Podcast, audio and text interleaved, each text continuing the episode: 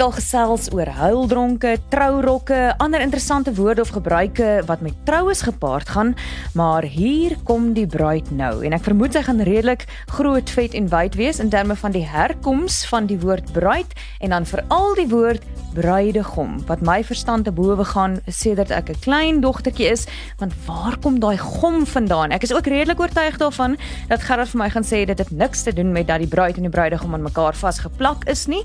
So ek hoop hy gaan my verstand verlos van hierdie deurmekaar pandemie. Kom ons vind uit. Hoe nou? Met Suan Miller Maree en Gerard van Huisteen. Hoe nou word moontlik gemaak deur afrikaans.com. Jou tuiste vir alles oor Afrikaans. So Gerard, het jy as jong aspirant taalliefhebbertjie ook gesit en wonder oor die woord bruidegom. Natuurlik. Dit was seker een van die eerste woorde wat mense dan dadelik soek. Ek dink alle kinders vra op 'n stadium iewers vir hulle ouers, "Mamma, hoekom is dit 'n bruidegom?" En huil dronk, né? Nee, en huil dronk. En geen ouer kan hulle antwoord nie. So hierdie is vir al die ouers daar buite en al die kinders wat nog daai wrok saam met hulle dra van die trauma. En wat my ook pla daarvan is die meervoud. Want jy praat van ooms en bruide. So is dit nou bruidegoms of bruidegomme?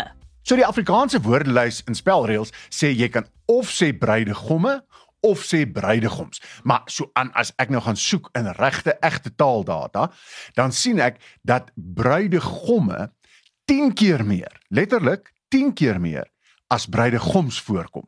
Ja, maar ek kan verstaan hoekom, want dit klink net nie reg nie. Bruidegoms klink halfstaan. Wat is wat dink jy is die verkleinwoord? Bruidegommetjie of 'n bruidegompie. Ja, Wat inderdaad, 'n bruidegompie, net soos wat ons kry in boompie natuurlik, nê. Nee. Ja. En ek kan nie help om te dink aan 'n gompou wat pronk as jy vir my sê 'n bruidegompie nie. So die meervoud van bruidegom is bruidegoms of bruidegomme en die verkleinwoord is bruidegompie.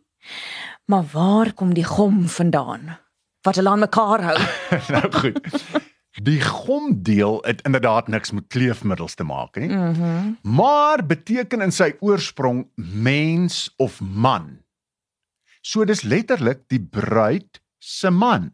Ja, watter nee, taal beteken gomman? Nou goed. Ons kry dit in proto-germaans. Dis al hier in 1300 voor die huidige jaartelling kry ons dit al as guman.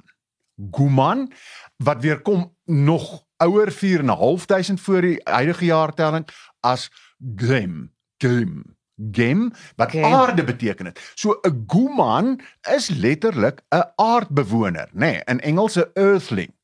En ons sien dat ons dieselfde grondwoord kry ons in 'n woord soos Adam wat mens beteken of Adama wat grond beteken in Hebreëus, nê. Nee, hulle het almal dieselfde oer oer oer oer wortelwoord.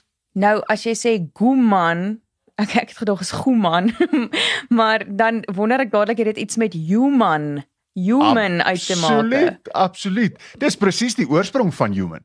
In human en die latynse homo is dis ook familie van mekaar. Uh, hoe nou? So die latynse homo en die Griekse homo moet ons nooit met mekaar verwar nie. In Grieks beteken die prefiks homo dieselfde, né? Nee, soos wat ons kry in homogeen. Goeters is dieselfde.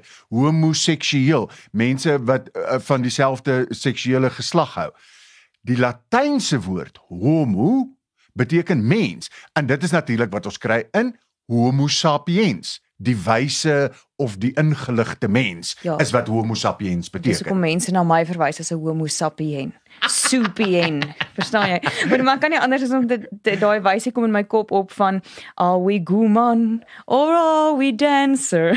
Ken jy daai van the killers? Tuurlik. In elk geval, ons gaan gou 'n liedjie sing terwyl dit advertensiebreek is en dan net hierna skuif ons dan die fokus 'n bietjie weg van die bruidegom en die guman af na die bruid waaroor die troue eintlik gaan. Bly ingeskakel. Is jy op soek na gratis aflaaibare leerhulpmiddels vir jou klaskamer of kind? Afrikaans.com se leerhulp afdeling is net die plek. Plakkate, flitskaarte, luister- en begripstoetse, vraestelle, studiegidse en meer. Van prettige aktiwiteite tot kurrikulumgebaseerde inhoud. Afrikaans.com se leerhulp afdeling bied nuttige hulpmiddels vir voorskool tot matriek. Besoek afrikaans.com se leerhulp afdeling en maak leer lekker. Jy luister na Hoe nou met Gerard en Suan en Suan en Suan. So ons weet nou die bruidegom is letterlik die bruid se man en dat dit niks met 'n kleefmiddel of 'n gompou te doen het nie. Uh maar nou gaan ons 'n bietjie gesels oor die bruid want alles draai mos maar eintlik om die bruid. En ek sit nou so en dink uh ons het nou gepraat van gom, maar wat van die Engelse groom? Dit lyk tog asof hy 'n verband kan hê met gom, groom en gom. Is daar verbintenis? Gom wat hulle saam smee? So dit is interessanter as om net te sê dat hulle familie is van mekaar die twee woorde. Maar dit is 'n ingewikkelde storie. So Ja. maak vas jou vlegsels. In Middel-Engels het ons die samestelling Brit plus Guma gekry. Bruidgroom. Brit plus Guma. Brit Guma, né? Nee, bruidegom. Selfde familie. Mhm. In Middel-Engels was daar egter ook 'n ander woord, né, nee, wat amper soos Guma geklink het, maar grom of gromme. En daai grom of gromme het young boy of servant beteken. En is dit waar byvoorbeeld stable groom of dog groomer vandaan kom? O, oh, jy's vir ons te slim. Ek sien ek uh, leer jou heeltemal te veel in hierdie reeks. En dis presies dit. So daai grom of gromma, gromme en die guma, die oorspronklike guma wat mens beteken en wat man beteken het, nê, was so naby aan mekaar lyk en klink en nog 'n betekenis het wat ook naby aan mekaar is, veroorsaak toe dat hulle nou guma en gromma met mekaar verwar. Ah. En toe word dit van Brit Guma word dit toe Brit Gromme en toe uiteindelik Bridegroom. Wow, so dit moes dit moes eintlik gewees het bridegroom. Ja, presies, presies. Bridegroom. Wow, maar ons praat nou al die hele tyd oor die guma en die bruidegom terwyl ons eintlik nou nog glad nie tyd gewy het aan die belangrikste deel van die bruilof nie en dit is die bruid. Waar kom die woord, die stamwoord van bruidegom vandaan? En net as 'n bietjie weerwraak omdat dit altyd alles oor die bruid gaan, is die antwoord baie kort, ons weet nie. Jy jok vir my, is jy ernstig? Ja, so ons kan die woord terugvat na Proto-Germaans toe. Dis ongeveer 1300 voor die huidige jaartelling as broody, broody. En toe het dit al beteken 'n jong pasgetroude vrou. Ja. Maar waar dit vandaan kom voor dit, die kan niemand nog weet nie. Haai, wat 'n antiklimaks. Ons mag dit glad nie vir die bruide sê daar buite nie. Ek het 'n bietjie meer verwag, maar helaas, ons kan dus sê dat ons niks van bruid weet nie, maar wel dat 'n bruidegom 'n bruid se man is en dat 'n bridegroom verwys na 'n bruid se slaaf. En omdat jy gesê het slaaf, kom ons gaan luister liewer. Wat sê die luisteraars? So Erna van Potchefstroom het vir ons laat weet terwyl ons nou so gepraat het oor troutradisies die afgelope tyd. Sy het 'n troukoek gehad wat tradisioneel ook die drie vlakke het en dat die boonste klein koekie ehm um, dat sy hom gevries het. Ja, ja, ja, ja. en dat sy hom dan jare later saam met haar kinders geëet het en sy wil weet wat is die tradisie agter die feit dat mense die een deel van die koek hou.